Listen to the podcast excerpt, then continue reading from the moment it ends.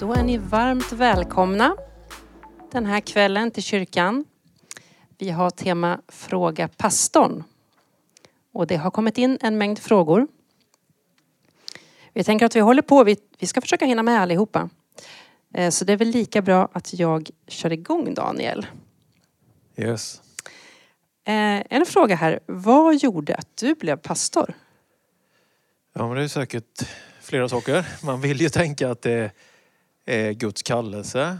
Men sättet som i alla fall jag förstod den på, det var att eh, sista månaderna på gymnasiet, när jag gick i tredje ring då, så drogs jag till att läsa Bibeln. Eh, Jag läste Bibeln timmar varje dag faktiskt. Kan låta lite så här kaxigt nu att säga det, men det var, det var bara så. Varje dag, två, tre, fyra timmar under en period av nästan ett kvartal. Jag bara sögs in i bibeltexterna. Så den processen av att läsa Bibeln, där någonstans så blev det så här, jag ska bli predikant. Så var det. Det kan finnas fler som är intresserade av det. Hur gör man för att bli pastor är nästa fråga. Utbildning? Ja, alltså man kan ju egentligen, vi har ju en lite, vad ska man säga, vi har ju en andlig syn på det där. Man kan egentligen inte hitta på det själv ytterst sett, utan det är ju att igenkänna en kallelse då. Kallelse, det ordet betyder ju röst, den här inre rösten. Eh, ingen annan människa tvingar det på en. Ingen kan bestämma om det utan det är ju en, mellan en själv och Gud. Och att i det upptäcka den kallelsen. Sen när man, om man känner att ja, men det är det här jag ska ägna mig åt. Då kan man utbilda sig och förkovra sig och så. Men det är inte ett yrke man utbildar sig till utan det är ett kall man tar emot som man sen förkovrar sig i. Mera så.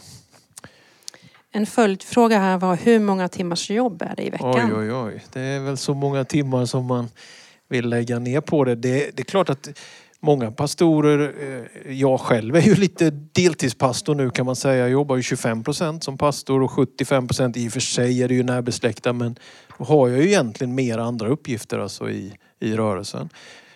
Man pratar ju om att man kan vara pastor och vara tältmakare. Det, det är ett begrepp hämtat från aposteln Paulus att han kunde tydligen eh, sy och, och bygga ihop tält liksom och försörja sig på det sättet. Det kan dock vara heltidstjänster också. Så att visst, det där ser olika ut. Det finns ingen fast eh, modell för det men eh, så som vår församling ser ut just nu så har ju församlingsledningen sagt att vi kan ha kanske någonstans runt sex tjänster och då är kanske hälften av dem, tre, fyra pastortjänster och sen är det lite så här andra tjänster också då, som behövs. Mm. Ja, eh, en, en församlingsfråga här. Är det viktigt med församlingsbön och varför? Men det är klart att det, det finns ju något i bönen som är att be tillsammans. När två eller tre eh, kommer överens om någonting finns det ett löfte från Jesus att han ska svara. Eh, exemplen är ju till exempel i Bergspredikan, den här klassiska, en av de mest klassiska bibelverser vi har. Be så ska ni få, sök så ska ni finna. Det finns ett plural där. Så bönen ska aldrig vara bara eh, privat och individuell men den behöver också få vara det såklart. Men så ja, svaret är ja. Be för någon annan, ta emot förbön. Be tillsammans för bönämnen. Så församlingsbön i den betydelsen är jätteviktigt. Och sen hoppas man ju att vi ber i alla samlingar vi har. Om en fastighetsgrupp samlas eller barnledargrupp så ber man också. Så man, ber, man är ju bedjande i de flesta samlingar församlingen har. Det tror jag verkligen. Men sen finns det också direkta bönesamlingar och de skulle behöva bli stärkta. Skulle behöva få mer fart på dem. Så är det väl alltid men vi skulle behöva en starkare församlingsbön. Men svaret är ja, det Ja. behövs församlingsbön. Ja.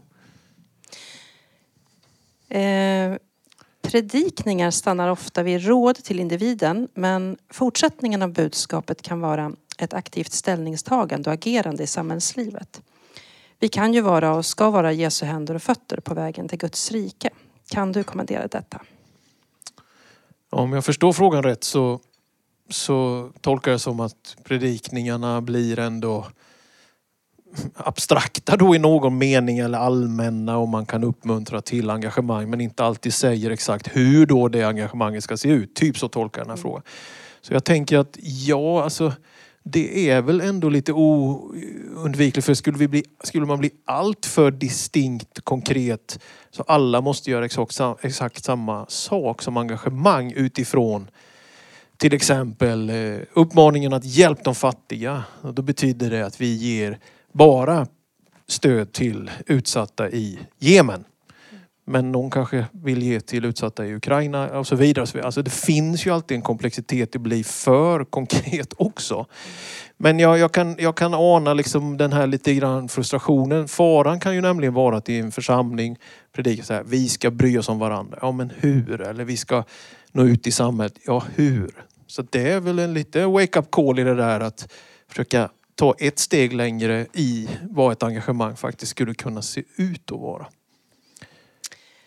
Bra. Det var en ganska lång fråga. Vi tar en som är kortare här. Är det okej okay att vara homosexuell?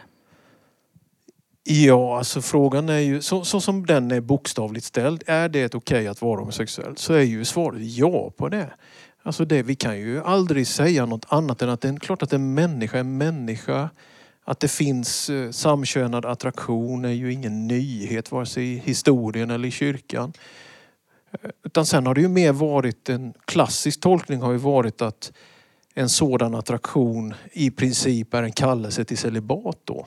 Att den inte har uppmanats traditionellt att levas ut och det är ju väl fortfarande, eller det är ju fortfarande vår syn att, att då har man liksom att kanalisera sin sexualitet lite på ett annat sätt än i det som vi ser i äktenskapet mellan man och kvinna, familjebildandet så det som kommer där. Det här är ju en jätteomdebatterad fråga.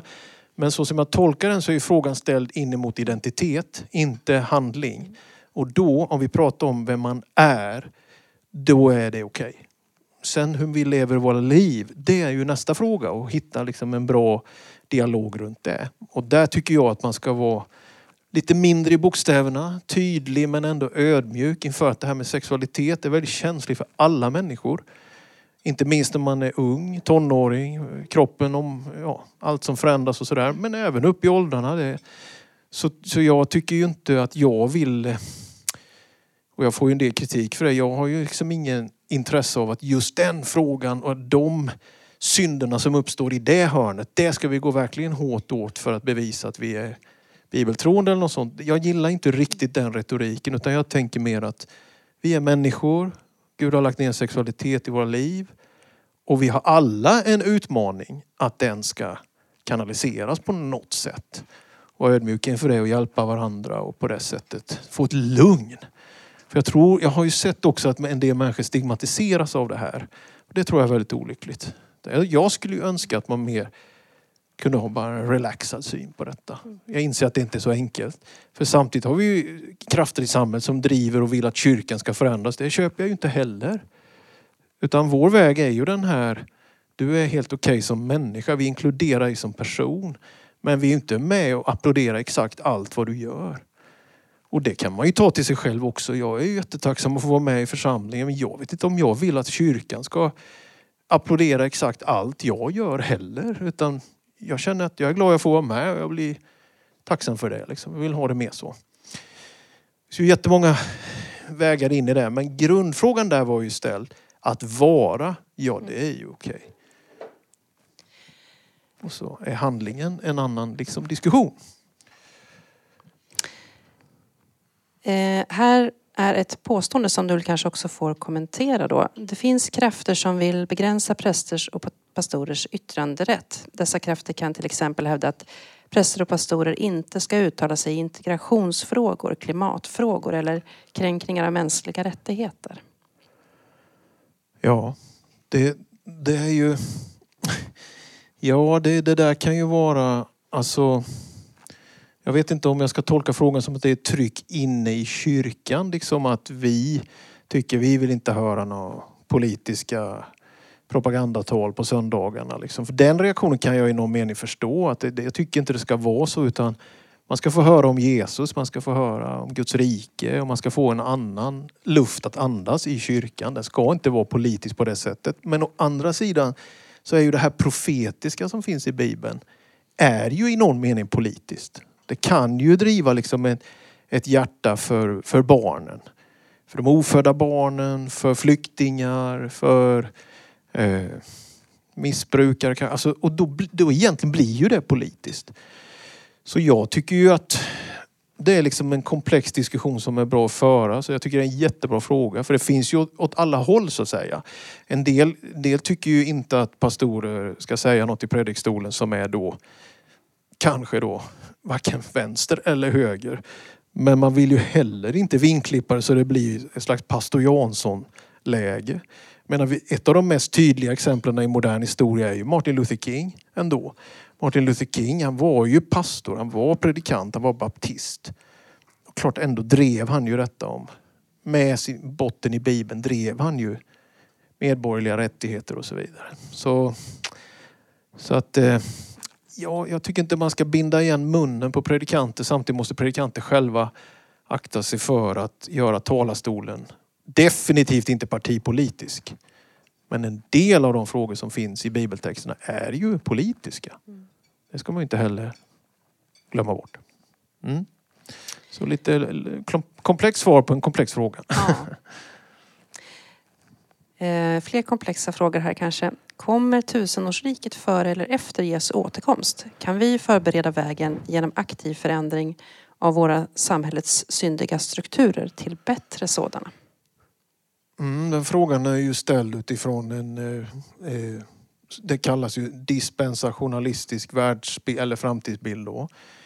Och det är ju en teologisk skola som ser framtiden i dispenser, alltså i faser. Det har varit mycket som förkunnelse i pingströrelsen eh, genom åren. Och där kommer tusenårsriket in. Jag själv är inte någon större vän av göra allt för mycket sådan teologi och förkunnelse. Jag tycker ändå det är väldigt svårt att göra det och skälet Skälet till det är till exempel tusenårsriket. Det nämns en gång i, i Bibeln och det är alltså för lite för att göra lära av. Skulle det ha varit ett superviktigt tema för Herren, för Paulus, för Petrus, för Johannes utöver då eh, Patmos. Nu finns det de som debatterar vilken Johannes, men det är en annan diskussion.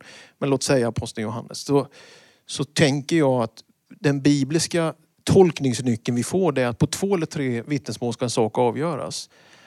Och då hade det funnits liksom flera exempel runt tusenårsriket. Då tycker jag man skulle kunna tänka sig att borra med det. Så för mig är tusenårsriket det är mer som en framtidsvision och något som är fantastiskt. Det är ett fridsrike. Det är välsignat. Och då frågan då så, så, jag är alltså tveksam till hela det tänkesättet som den frågan kommer ur. Jag tycker inte det finns bibelstöd för det tillräckligt. Men om man ändå då tänker, jo men det, det, det, det är intressant det här vilka skeden sker det i. Då, då kommer ju den här, då, då brukar man tala om premillennialism eller postmillennialism. Alltså kommer han före eller efter, efter tusenårsriket? Och sen brukar det vara en annan faktor, före eller efter vedermödan, pre-tribulationen eller post-tribulation. Det brukar vara de två begreppen man då funderar, kommer före eller efter? Och då om jag ska liksom säga så som Levi Petrus predikade, så som man predikade tidigare oftare, som hade den här liksom lite mer dispensen eller så schemat i Jesu återkomst. Vilket jag då här sätter ett litet frågetecken till. Då skulle man absolut säga att han, han eh, kommer så att säga före vedermödan tillbaka. Eh, och i, den, i de modellerna, det finns lite olika modeller i det, så inträder ju då eh, tusenårsriket därefter sedan och sen så släpps den onde lös för en kort tid och sen kastas han för alltid i den brinnande sjön och då inträder det eviga riket. Så jag, jag tillhör ju de här som tycker att vi ska predika att Jesus kommer, vi ska hålla oss vakna. Men det är inte så bra att gå för mycket i att försöka förstå skeenden. Utan det finns tidstecknen i tiden som är jordbävningar, Folk reser sig mot folk. Det är tidstecknen som visar att han kommer snart. Men det ger inte underlag och orsak till att säga exakt liksom, försöka ställa klockan i det här. Det tror jag att man ska egentligen vara ganska försiktig med. Men då är ju det andra diket att man inte talar alls om att Jesus kommer tillbaka. Och det är inte heller bra utan Jesus kommer tillbaka. Det är ju, det är ju ett stort, äh, det är ju däremot ett ärende genom hela nya Paulus är inne på det gång efter gång i sina brev. Eh, Jesus själv håller ju ett tal i Matteus 24 om den sista tiden. Så, så att det finns en framtidsvision med dom, eh, med, med, med hela det aspekt. Det gör det ju. Men sen kanske man ska vara lite försiktig i att säga hur det exakt kommer att ske kalendermässigt. Den här följdfrågan då, om man, om man tolkar den som att det handlar om Jesu återkomst. Kan vi förbereda vägen? Kan vi göra någonting för att skynda på? Ja, det är ju predika till alla folk, sen ska änden komma, det säger ju Herren själv. Så att det, det är ju i missionsbefallningen att nå, nå till jordens yttersta gräns. Talar ju om unreached people groups. Ibra jobbar ju mycket med det, Niklas Collén här och andra. Eh, det är ju i den det är ju för att nå dem med evangelium men där finns ju också den här dimensionen av att när alla har hört då kommer slutet. Så, så uppfattar man ju ändå att mm. Bibeln berättar. Sen vad som då ligger i alla, ja det är upp till Herren. Alltså det, det är återigen, liksom, här kan man se, ja men alla ska nås. Sen får väl Herren avgöra när den tiden, och det kanske inte vi ska avgöra då. Ja, eh, en lite kortare fråga men Svaret kanske blir lika långt. Föds människan god? Ja, det är ju en fråga också. Ja. Det tangerar ju det här som man kallar för arvsynd. Och arvsynd, ja det företräds ju bland annat av Augustinus och det finns genom den kyrkliga historien en teologi som utvecklas på det sättet och den ger ju understöd till, till ganska många eh, ska man säga, läror, praktiker. Exempelvis så ger den ju understöd till spädbarnsdopet. Eh, alltså jag tror ju att vår förkunnelse, det som har varit liksom är mainstream inom pingstvärlden, det är ju att vi inte föds onda utan vi föds så sett goda. Sen säger Jesus, ingen är god utom Gud. Så det handlar inte om att vi, vi är gudar som föds som spädbarn. Men däremot så, utan man föds, skulle ett barn eh, avlida vid förlossningen eller liknande så är det en självklarhet att vi tror att himmelriket tillhör dem. Eh, de vänder åter till Gud så att säga. Eh, och därför finns inte arvsynden på det sättet att man föds eh, syndare. Däremot föds ju vi alla människor med den benägenheten. För Paulus säger i Romarbrevet 3, alla har syndat. Så det, det, är ju en tickande grej där och det vet vi väl att barn kan ju vara rätt så råa mot varandra och så vidare. Så det tyvärr kommer nog ganska tidigt det där. Men jag ser det ju mer i så fall som att man, man ärver den benägenheten. Eh, men sen är det när jag själv faller som jag faller liksom. Eh, och jag tror att det är sunt att tänka så här att hade vi varit i lustgården så hade vi nog gjort det Adam och Eva gjorde. Det tror jag är sunt att tänka liksom att människan men om vi, om vi skulle ha en liten brun box här liksom och så säga just i den här det är någonting här. Jag vill verkligen inte Malena att du öppnar den nu. Om jag skulle odla ett narrativ runt en fin eh, låda här. Mm. Och sen går jag och så är du ensam kvar här då händer ju ändå någonting om du nu inte är fromhetens fromhetens fromhet. Men risken är ju väldigt stor att man ändå blir väldigt, vad är det i denna låda? Varför pratar Varför han om denna låda? Varför får jag inte ja. öppna den här lådan? Tyvärr, men där har du människans benägenhet. Och den är vi ju alla en del av. Så jag säger benägenhet men, men inte att arvsynden har den konsekvensen. Och det, eh, som, som arvsynsförespråkare säger. Och dessutom går det igen på väckelserörelsens eh, inbjudan till frälsning faktiskt.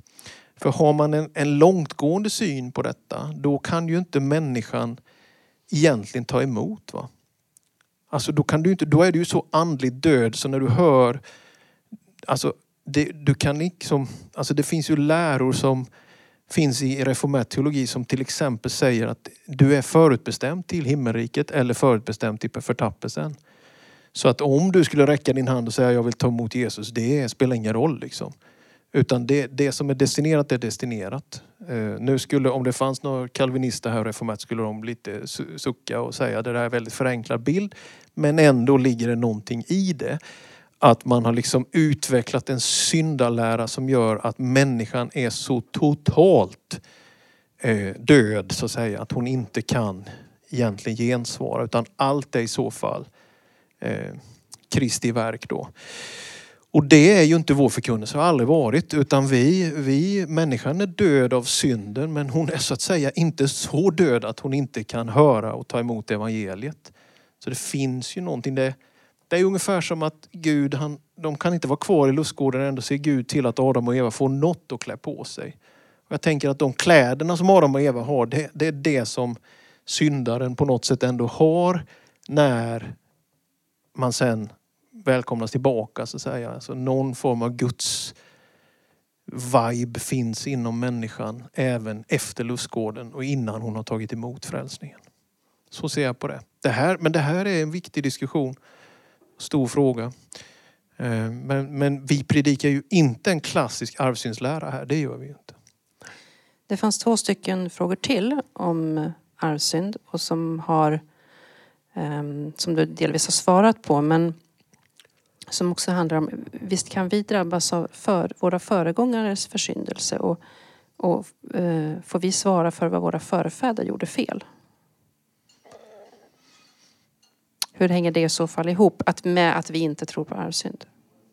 Ja, det är klart det där är ju också en jättebra fråga. Jag vet ju mycket väl att det finns bibelord som, som säger att förbannelse kan vara tredje, fjärde led men välsignelse i tusen led. Det är gammaltestamentligt men det, det är Guds ord säger ju. Alltså att det finns en frukt av föräldrars, vad man, vad man ger vidare. Jag menar, det är klart, det är, ju, det är ju en logik i, på något sätt är det ju ändå. Du, du föds där du föds och du har någon form av genpool, en, en kropp och en, en, du växer upp i en miljö. Du får ett arv med dig. Det är klart du påverkar av det. Och det är ju inte bara på plussidan. Det mycket kan förhoppningsvis vara på plussidan men det kan också vara att när man växer upp i ett missbrukarhem så är ju ändå riskerna där att du själv också utvecklar ett missbruk. Eh, men däremot så tror jag att med Jesus är det väldigt viktigt att komma ihåg att när de, jag tycker det viktigaste händelsen är ju när Jesus möter den här blindfödde pojken eller mannen. Och då frågar ju de som är runt omkring, han var född blind, då frågar ju de är det han som har syndat eller är det hans föräldrar som har syndat? Som gjorde, alltså de hade den, tycker jag, då vidskepliga tanken. Han är blind på grund av att någon har syndat här. Liksom. Och då säger faktiskt Jesus detta underbara ord. Nej, säger han. Men omvänd är ni alla. Alla behöver omvändelse. Det, det behöver vi, för synden finns. Men du ska inte koppla ihop det till exempel med att du har en fysisk nedsättning. Alltså det är stor skillnad på orsak och verkan. Om jag ljuger för dig, då kommer du inte lita på mig. Det är orsak och verkan. Det är sådd och skörd. Jag sår en lögn och jag skördar ett misstroende. Men om jag ljuger för dig, kommer då min dotter att krocka med bilen imorgon? Det menar jag med Jesus, med Nya Testamentet. Låt oss all, det, är, det är inte sund andlighet, det är osund koppling. Utan livet är komplext. Det händer väldigt fina saker till ogudaktiga människor. Och de mest fromma kan drabbas av det mest jobbiga. Så det är väldigt svårt att liksom dra ut, att man hela tiden ska hitta en syndabock eller en orsak. Jag vet att vårt mänskliga sinne är sådant. Vi ska alltid ha en orsak till varför något går snett eller sådär. Istället borde vi kanske mer förtrösta på Gud, lita på honom. Eh, och, och, inte på det sättet liksom dras in i den här domstolstanken utan lämna det till Gud. Det är lättare sagt än gjort men vi skulle vara mycket friare som kristna om vi inte hela tiden letade förklaringar. För vi vill ha det, men det finns inte alltid förklaringar. Så ja, det blir långa svar här Malena, men det är ändå, man måste ändå få resonera om det lite. Och det, det, det är inte så att man ska gå omkring i en Eh, du fick det du fick av ett arv, det fick jag också. Men det är ju inte någonting cementerande utan får man försöka omvandla det och ge förhoppningsvis ett gott arv vidare på något sätt. Eh, men, men visst är det så att vi får något med oss men det är inte ödet och vidskepelsen som ska styra oss i det där tänkandet. Absolut inte. Bra, då tar vi nästa här. jag är kristen och tror på Jesus, men hur kan jag säkert veta om jag har helig ande i mig? Mm. Den som är född av Gud har anden. Alltså när man kommer till tro. Johannes skriver att ingen kan bekänna att Jesus är Herre utan att ha Guds ande. Så om en människa har kommit till tro och den människan till exempel när den ska låta döpa sig ger sin bekännelse eller liksom kan säga det här som Paulus skriver i Rom att om du i hjärtat tror men i mun bekänner att Jesus är Herre. Så, så att, att, kan du formulera orden Jesus Kristus är Herre i mitt liv så är ju det ett uttryck för att anden bor i dig. Det, det, jag uppfattar det som att Bibelns undervisning att det är, det är en, en omöjlig motsägelse att, att kunna så att säga få ur sig den bekännelsen. Och det är ett tecken på att anden har flyttat in. Vi brukar säga så här att när du blir, när du blir kristen så blir du född på nytt. Då kommer anden i dig. Sen har du pingsten, andedopet. Då kommer anden över dig. Tungotal, tungor från himmelen, en erfarenhet, eh, någonting som Utrusta dig. Det första steget är kan man säga den frälsande nåden. Anden bor i mig, han har tagit sin boning, jag är ett tempel åt Gud. Och, och det andra steget är med den utrustande nåden. Vad ska jag nu ha mitt liv till? Så att säga? Vad ska jag göra? Och tjäna Gud är framåtsyftande. Så att man vet att man har anden om man är kapabel att bekänna Jesus som Herre. Det börjar där, det är grunden.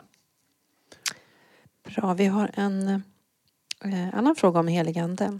Vad är den oförlåtliga synden, hädelse mot den helige anden? Och ska man ge upp om man har gjort det? Ja, jag, jag uppfattar att den frågan under alla dessa år som jag har varit pastor här och haft sådana här eh, fråga pastorn eh, söndagar eller ibland så här på kvällstid. Så har den frågan återkommit. Den är frekvent.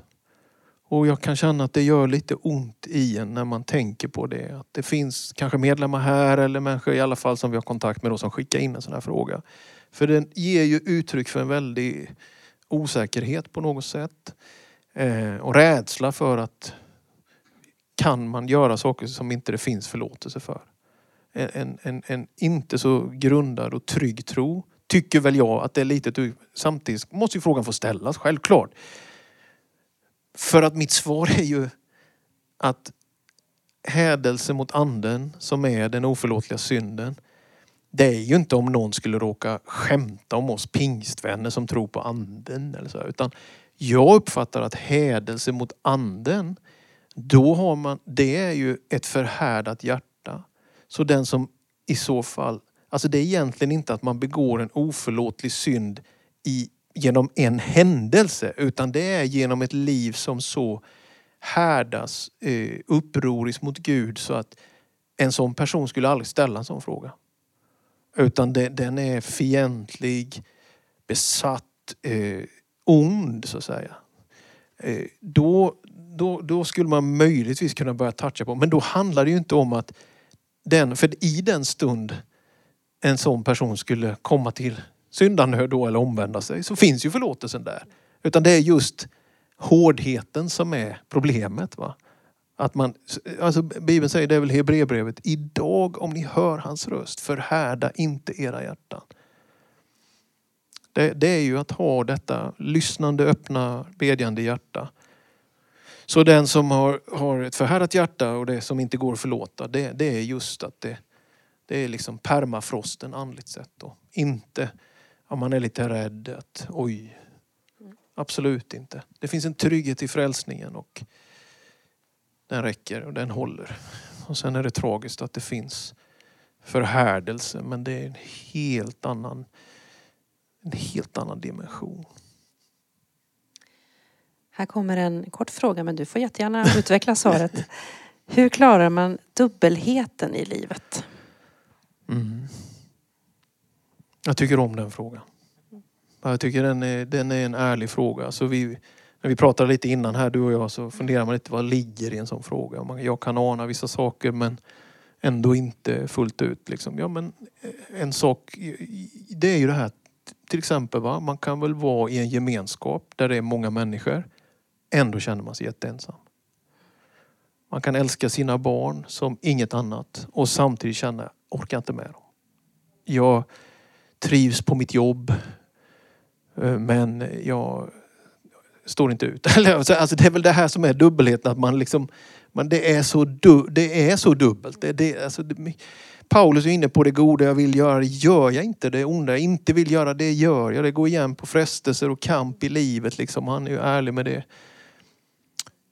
Så jag tänker att det är en jättefin fråga och att det är en ganska fin insikt att bara kunna ställa en sån fråga och kunna fundera över det. Liksom. Man till exempel älskar sin, sitt hem och ändå längtar man bort.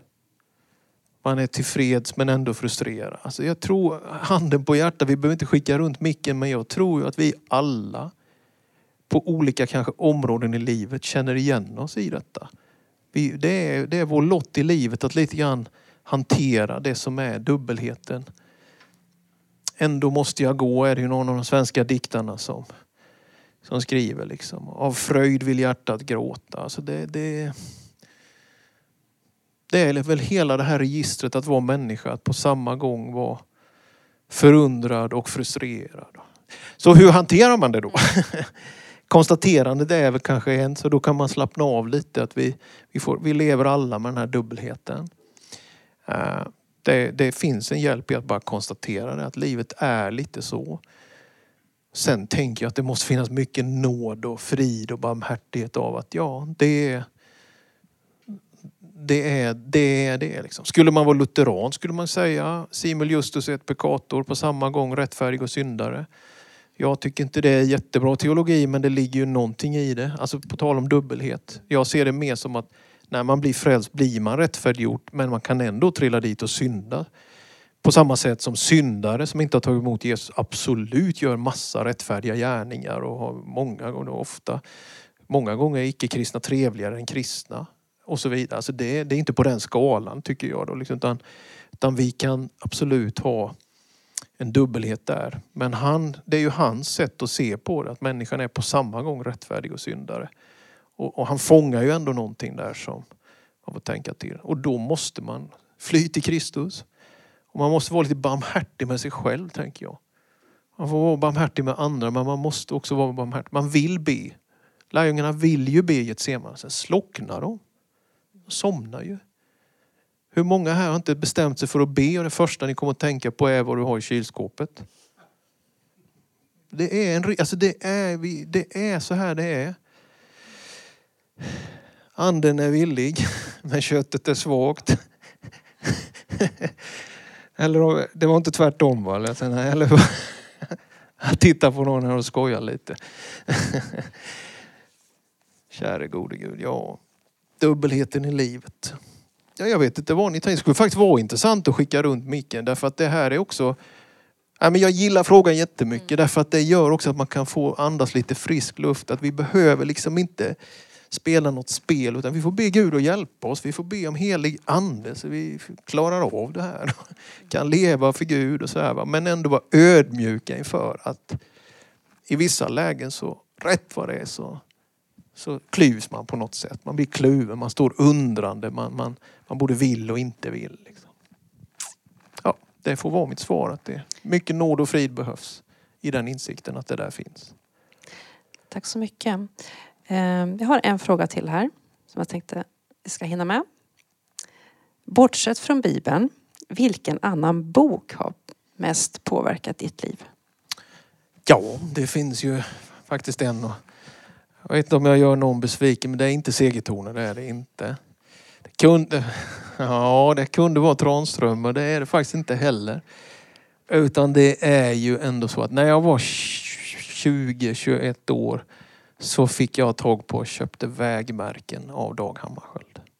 Han gjorde ju noteringar som han lämnade i ett stort kuvert till han hette Belfrage, en medarbetare. Han var ju FNs generalsekreterare. Han hette, jag tror han hette Leif Belfrage eller något sånt där. Så när han hade dött, Trons, nej, inte Tranströmer, förlåt. någon som sa Trons, jag gillar honom jättemycket också. Men inte minst på grund av Västerås. Men då i alla fall fanns Hammarskjölds noteringar. Det var ju slags dagboksanteckningar. Och i det är ganska mycket av en vandring med Gud ändå. Eh, en del av det är en slags mystik, inte allt är så lätt att förstå, inte för någon tror jag. Men, eh, men det finns många, många guldkorn där. Han säger till exempel, på tal om ledarskap, säger han blott den förtjänar makt som dagligen rättfärdigar den. Alltså han säger typ, det är inte positionen ledarskap, det är vad du gör med den som avgör. Han säger, mät inte, mät inte bergets höjd förrän du nått dess topp. Först då ska du se hur lågt det var. Han har i, i vägmärken, korset är rest redan i Betlehem. Alltså det finns så mycket guldkorn i denna bok, vägmärken, som tycker jag får en att be eller fundera och reflektera. Så han var, och- just att han var den han var, att han var en liksom ämbetsman, tjänsteman. Hans, hans pappa var ju landshövding i Uppsala, var ju faktiskt statsminister en kort period under krig, första världskriget hade ju Sverige en, sam, en tjänstemannaregering. Och han blev statsminister för att ja, krig och oro så hade man inte politisk vid den perioden. Och det var ju fattigt och rant så den regeringen kallades ju regeringen Hungersköld. Hans pappa Hammarskjöld. Och det var svåra tider och han växte upp i detta, präglad av allt detta. Och faktiskt ett ganska komplext förhållande till sin pappa. Men så blir han, han blir den här andlige förvaltningsledaren. Han blir den här tänkande göraren. Han får det här förtroendet att leda. En, finns det någon mer komplex organisation än FN kan man fundera. Så, så att eh, Dag Hammarskjöld, eh, den boken är ju, den har ju jag återvänt mest till förutom Bibeln. Så är det. Stort tack Daniel för att du har delat med dig av dina tankar och svar på alla de här frågorna. Tack alla ni som har varit här och lyssnat. Tack för ikväll. Tack.